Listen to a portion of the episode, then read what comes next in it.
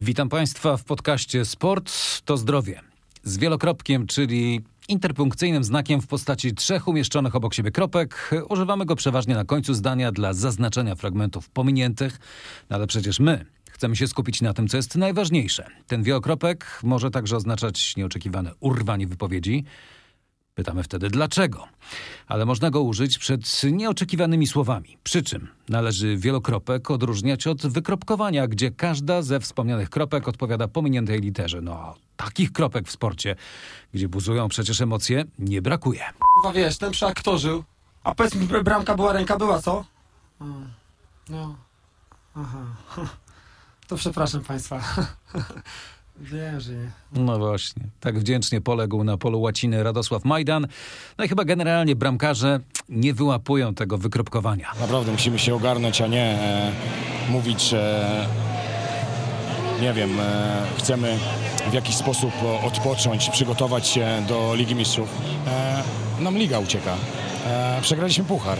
E, wcześniej super puchar. Przepraszam za wyrażenie, ale obudźmy się w końcu, bo nam wszystko ucieknie. Dość tego. Arkadiusz Malarz tak mówił o Legii Warszawa 4 lata temu. 4 lata minęły, bramkarza nie ma już w Legii, a klub jakby znowu potrzebował kogoś, kto przemaluje czarne chmury nad Łazienkowską. Przegrana 0 do 3 u siebie z Karabachem Agdam w decydującej rundzie kwalifikacji Ligi Europy.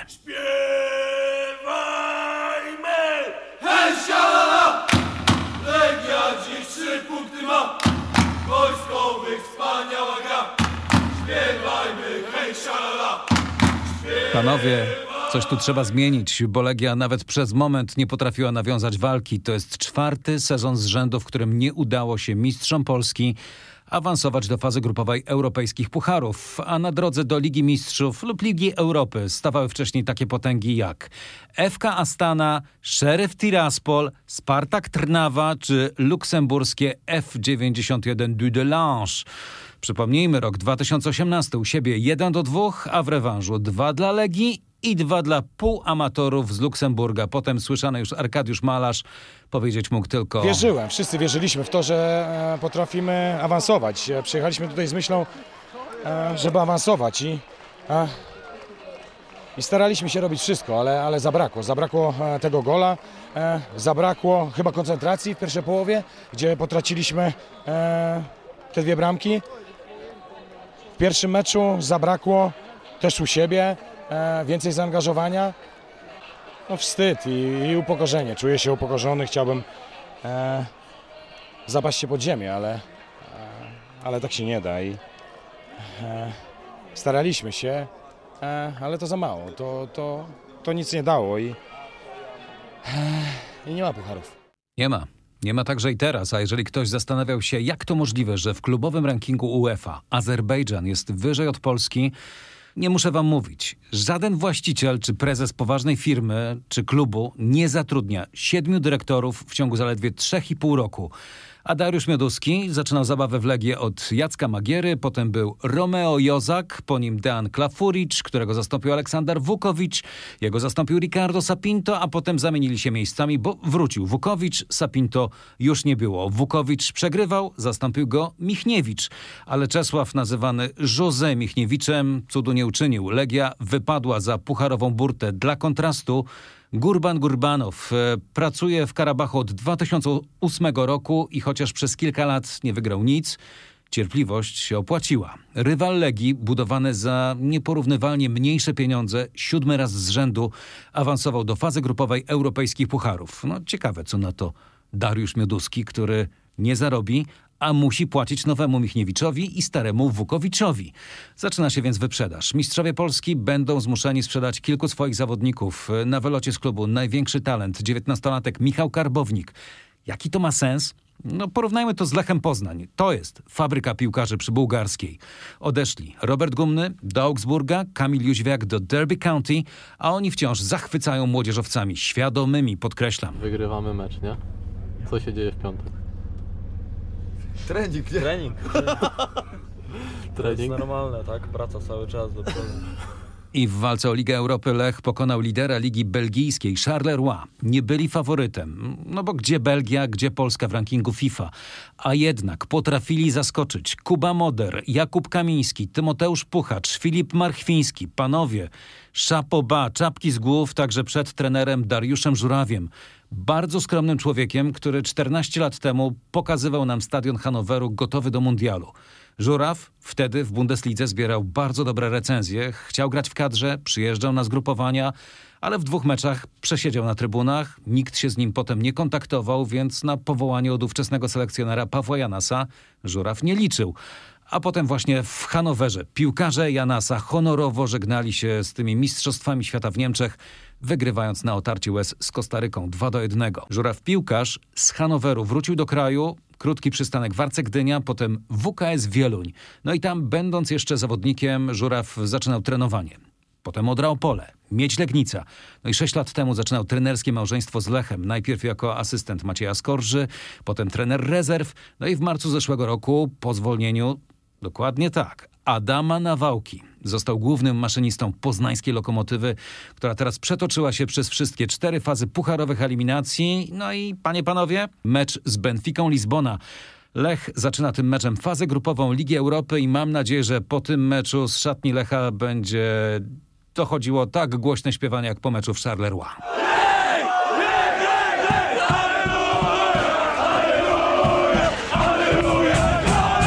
Ten kolejosz na żurawiu rusza teraz na podbój Europy, o ile planów nie pozmienia koronawirus. Dlatego na wszelki wypadek minister zdrowia przypomina o zasadzie DDM, czyli dezynfekcja, dystans i maska. Tu się nic nie zmienia, no i nic naprawdę nie wiadomo z koronawirusem. Turniejowe bańki dla sportowców, testy, nadzwyczajne środki ostrożności, ograniczenia na trybunach, dezynfekcja i bezmyślność? Je souhaite un match Sinner. 6-3, 6-3, 4-6, 6-3. Sasza Zwieriew y, dopiero po przegranym meczu w 1-8 finału tenisowego French Open przyznał, że z Włochem Janikiem Sinerem grał z gorączką i miał trudności z oddychaniem. A przed meczem nie poddał się testowi na koronawirusa już w pierwszym secie. Przypominam, prosił o przerwę medyczną. No cóż mogę powiedzieć, jestem chory. Naprawdę nie mogę Uh, oddychać. had Co słychać po moim głosie? Miałem gorączkę. Yeah, Powiedziałbym, że physical nie jestem w najlepszym stanie fizycznym. Myślę, że to miało uh, wpływ na dzisiejszy mecz. No, pewnie tak, na mecz owszem, ale hello, turniejowa szóstka, finalista niedawnego US Open, także granym w nadzwyczajnych okolicznościach. Zwierew wiedział, że musi przejść w Paryżu rutynowy test, ale przed meczem nie skonsultował się ze służbami medycznymi. Zgodnie z wytycznymi francuskiego rządu, przypominam, osoba z objawami COVID-19, czyli temperatura ciała powyżej 38 stopni, kaszel, ból gardła, ból głowy, ból mięśni, do tego utrata węchu lub smaku. Taka osoba musi być odizolowana przez co najmniej 7 dni. Czyżby rząd w Paryżu nie wiedział, co dzieje się na French Open? W tej samej chwili, gdy Zwieriew przegrywał, my dostawaliśmy gorączki, ściskając kciuki za Igę Świątek. Ona grała z turniejową jedynką Simoną Halep. Ostatnia piłka meczu.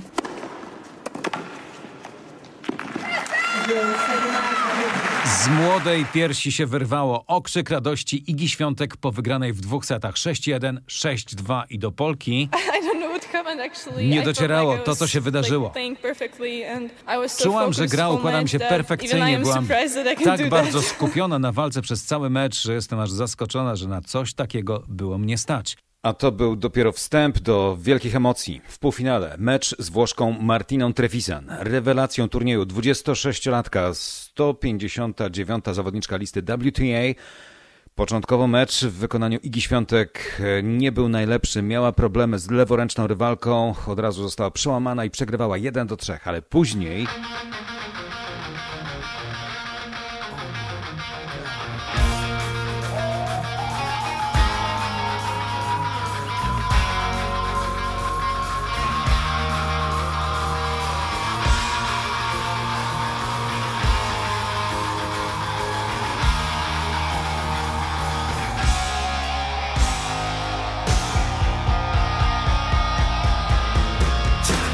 Welcome to the Jungle. Polka złapała rytm swojego ulubionego utworu, zaczęła grać agresywniej i wygrywała kolejne wymiany. Trevisan przegrała 3-6, 1-6. Włoszka i tak spisała się lepiej od Nadii Podorowskiej. Argentynka w półfinale nie potrafiła nawiązać wyrównanej walki. Świątek triumfowała również w dwóch setach. Krótkie. De Moncha 0. 6-2, 6-1. 6-2, 6-1. Finał stał się faktem. Tam Amerykanka rosyjskiego pochodzenia Sofia Kenin w pierwszym secie była naprawdę godną rywalką, piłka za piłkę, ale 6-4 dla Polki. A potem w drugim secie Świątek kompletnie zdominowała Amerykankę. Zwycięstwo 6-1 jest tego najlepszym dowodem. Największy sukces w historii polskiego tenisa stał się dziełem dziewiętnastolatki, która dopiero siódmy raz wystąpiła w turnieju wielkoszlemowym. Nie wiem, co się dzieje. Jestem szczęśliwa, zadowolona, że moja rodzina ostatecznie tu była. Nie wiem, to oszałamiające, to szaleństwo. Dwa lata temu wygrywałam w juniorskich turniejach wielkoszlemowych, a teraz tutaj to było tak niedawno. Jestem tym oszołomiona. Przyznawała chwilę po zwycięstwie Iga Świątek. 8 godzin 24 minuty wystarczyły jej, by wygrać tegoroczny French Open. Przy czym, podkreślam, nie straciła choćby seta. Nie zagrała żadnego tiebreaka. Rywalkom łącznie oddała zaledwie 28 gemów. Iga Świątek, lat 19, jej trener Piotr Sierzuptowski, lat 28. Według plotkarskich portali ciacho tygodnia. Do tego przed depilacją. Mm, Taka, jak mówił na antenie RMFFM, była właśnie stawka meczu o finał Rolanda Garrosa. No niestety, albo istety, tak się założyłem. Jestem znany z tego, że noszę sweter nawet jak chodzę bez koszulki, e, więc e, zawodniczka gdzieś zawsze mi tam e, docinała z tego powodu po tych pierwszych startach. Całkowicie o tym zapomniałem, bo wydarzyło się jak się wydarzyło, mówię, no dobra, było, minęło. No teraz niestety, albo istety. No muszę się umówić do jakiegoś eleganckiego salonu i się tego pozbyć, aczkolwiek nawet nie wiem, gdzie mam tego szukać. Panie Piotrze, Coś na pewno się znajdzie. E, w filmie o przygodach pewnego 40-latka e, u Steve'a Carella brzmiało to mniej więcej tak. Pierwsza porcja wosku. Jest pan gotowy? Uwaga. So ready? Yeah. It's 2, 3. Oh, you fucker! Oh, I'm sorry, I'm sorry. That's just your job. Huh? No, no, no, no. no. That's okay. No to może uh, bez komentarza. Mamy nadzieję, że aż tak, panie Piotrze, nie będzie. Iga na pewno znajdzie jakąś delikatniejszą kosmetyczkę. Premia za French Open to, przypominam, milion sześćset tysięcy euro czyli ponad 7 milionów złotych. E, Warto dodać, że w dotychczasowych startach 19-latka zebrała z kortów nieco ponad milion dolarów, zatem warto wygrywać w wielkim szlemie.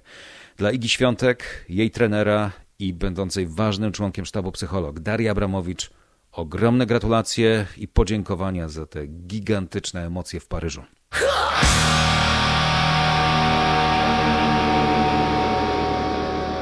Gratulacje w weekend odbierał także Lewis Hamilton. Wygrał kolejny szalony wyścig tego sezonu, tym razem na Nürburgringu.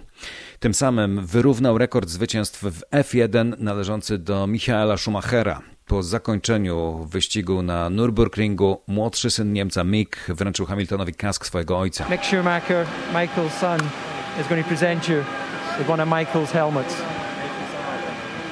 Congratulations, and this is from behalf of all of us.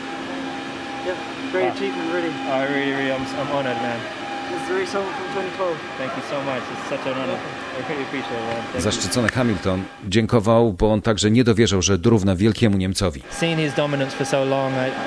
Widząc jego dominację przez tak długi czas, nie sądziłem, żeby ktokolwiek, a szczególnie ja, nie wyobrażałem sobie, że będę blisko Michaela pod względem rekordów.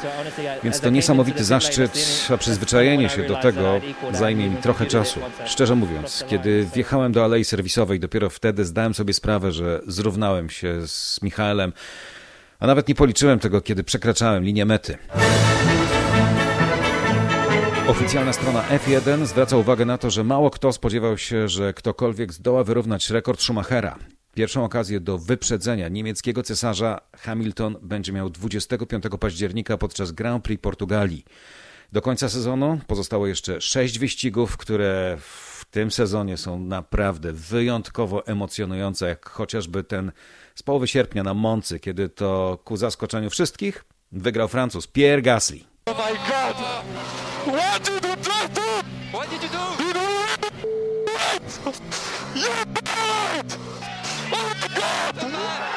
Oh my god, guys, we did it again! Oh my god, yes! Marsylianka na podium, a potem chwila, gdy Gasly przysiadł i długo z tego podium nie schodził. To był naprawdę poruszający moment, zwłaszcza jeżeli zna się historię tego francuskiego wojownika. Kierowca Alfa Tauri do rywalizacji na Moncy ruszał z dziesiątego pola po naprawdę dobrych kwalifikacjach. Tuż po starcie doszło do pierwszego momentu, który z perspektywy francuskiego kierowcy trzeba nazwać cudem. W pierwszej szykanie zawadził go wspomniany Alex Albon.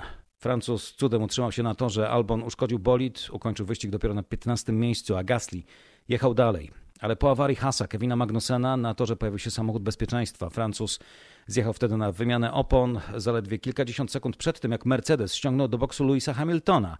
Ten wjeżdżając do alei serwisowej nie wiedział, że ta jest zamknięta, bo za blisko wjazdu zaparkował Magnussen. W takiej sytuacji za każdy zjazd jest kara. W przypadku Hamiltona 10 sekund, stop and go.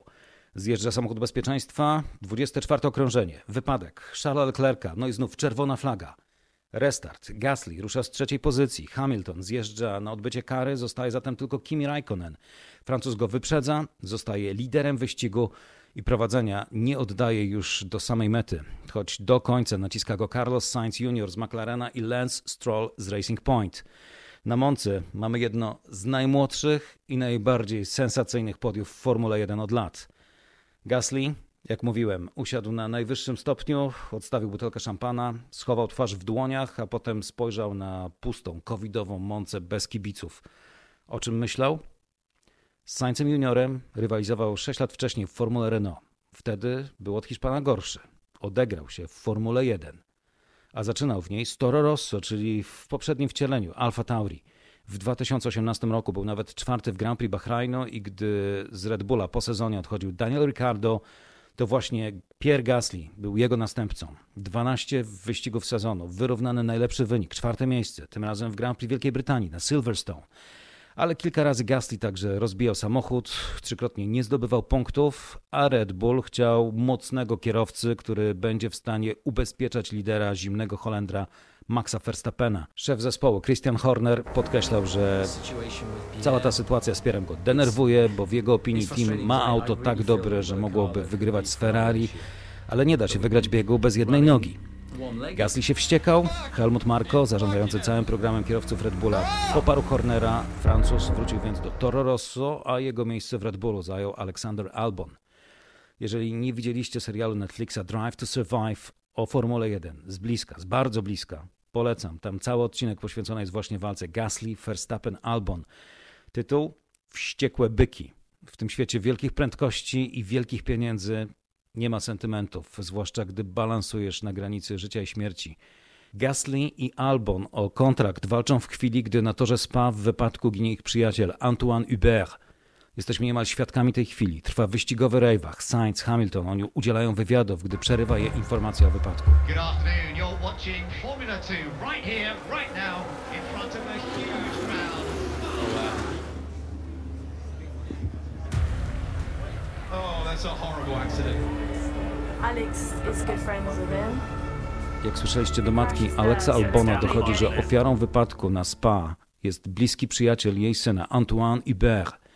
Takie chwile uświadamiają, jak mały i hermetyczny jest ten wielki świat Formuły 1. Albon, Leclerc, Esteban Ocon, ale przede wszystkim Gasly i Hubert. Oni dorastali razem, ścigali się razem niemal od przedszkola, razem marzyli o Formule 1. Pierwszemu się udało, drugi walczył w Spa w Formule 2. Gasly zatem nie potrafił uwierzyć w to, co się stało. Of course, was in my mind until going in the car and putting the helmet on, and um, yeah, just can't believe it. So. Uh, Myślałem o tym cały czas idąc do auta czy wkładając kask. Nie mogłem w to uwierzyć. Dorastałem z tym chłopakiem, ścigaliśmy się w kartingu od 2005 roku razem z Charlem. Mieszkaliśmy razem w tym samym mieszkaniu przez 5 lat. Chodziliśmy do tej samej szkoły, do tej samej klasy. Pamiętam go z tak wielu chwil na torze, jak i poza torem przede wszystkim. Nie mogę w to uwierzyć. Kiedy jesteś niemal świadkiem śmierci twojego najlepszego kumpla, tego samego dnia, na tym samym torze, chwilę później, masz walczyć o kontrakt życia.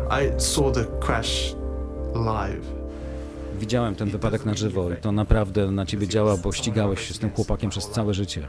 Tak mówił Albon. Christian Horner na filmie dodaje. Dopiero wtedy dochodzi do wszystkich kierowców, że to mogłem być ja. To jest czyjś przyjaciel, czyjś chłopak, czyjś syn. I nie ma go już więcej z nami. Not, they're not going to be around. Motorsport is in mourning following the death of a young driver during a support race for this weekend's Belgian Grand Prix. 22-year-old French driver Antoine Hubert has been killed in a Formula 2 crash at the Belgian Grand Gasly Prix. przypomina w filmie bezwzględną logikę Formuły 1. When you race at 300 kph, it's just dangerous. Jazda z prędkością 300 na godzinę jest po prostu niebezpieczna, dlatego to zawsze będzie niebezpieczny sport. Ale nie możesz o tym myśleć, bo przestaniesz przekraczać granice. Drive to Survive. Polecam każdemu, bo to jest bardzo dobre kino w wysokooktanowej akcji, do tego oparte na faktach. Tutaj nie ma aktorów. Aktorami są zawodnicy, właściciele teamów, szefowie tego całego wyścigowego cyrku, w którym balansuje się na niebezpiecznie cieniutkiej granicy między tym, co jest bezpieczne, dozwolone, a tym, co jest już w mrocznej strefie, o której często się nie mówi, nie pisze i jej nie pokazuje. Gasly w Toro Rosso cały czas ciężko pracował, by udowodnić światu, a przede wszystkim Red Bullowi, że się pomylili. Czy o tej pomyłce i swoim przyjacielu myślał właśnie po zwycięstwie na Moncy? Jestem o tym przekonany. Z klasą po Grand Prix Włoch zachował się szef Mercedesa, Toto Wolff. Pytany o wynik, który nie był na pewno taki, jakiego oczekiwano w jego teamie, odpowiedział wprost. Toto Wolff, not the day I know that you guys wanted uh, from the Italian Grand Prix. A lost race for Mercedes, but a victory for all of Formula One. Dziś straciłem zwycięstwo, ale wygrała cała Formuła 1. Oglądanie podium było odświeżające, podobnie walki tych młodych chłopaków podczas wyścigu. Patrzyłem i to było coś wspaniałego. Każdy z nich zasłużył na zwycięstwo. Zespoły podjęły dobry wybór, jechali bardzo dobrze, walka była imponująca i to jest dobra informacja dla tego sportu. Ale są też gorsze informacje dla tego sportu, bo Japończycy z Hondy po sezonie 2021 opuszczają Formułę 1. To oznacza, że Gasly, Albon i Verstappen zostają w swoich bolidach, ale bez silników.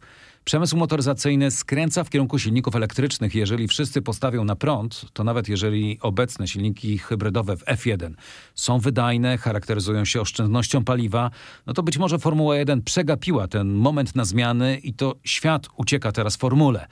A może powód jest e, bardziej prozaiczny?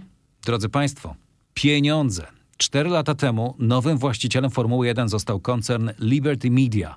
Postawiony był jasny cel zwiększyć zyski z najbardziej prestiżowej serii wyścigowej na świecie. Tylko może nie wszyscy chcą płacić? A to są gigantyczne pieniądze. Mercedes ujawnił właśnie, że rok 2019 kosztował ich ponad 440 milionów dolarów, ale zdobył oba tytuły. Dla Louisa Hamiltona indywidualnie, no i mistrzostwo wśród konstruktorów. Teraz Amerykanie teamom wyznaczają dopuszczalny limit od nowego sezonu 145 milionów dolarów. No to wszyscy pytają, co zrobić, jak to zrobić, jak się zmieścić w wydatkach? No skąd znamy takie problemy, patrząc na swoje dużo chudsze portfele? Kończymy y, wielokropkiem oczywiście to premierowe wydanie podcastu Sport to Zdrowie. Dziękuję bardzo. W tym podcaście dziękujemy oczywiście sportowcom za mocne słowa, od których Przepraszam zaczynaliśmy. Państwa. Wykorzystaliśmy oczywiście archiwa internetu, wykorzystaliśmy fragmenty filmu Netflixa Drive to Survive. Polecam, to jest Formuła 1 od środka. Wspomagaliśmy się także stroną internetową Lech TV, archiwami TVP Sport oraz oficjalną stroną turnieju tenisowego French Open. Tomasz Stańszewski, dziękuję za uwagę, do usłyszenia i oczywiście zdrowia.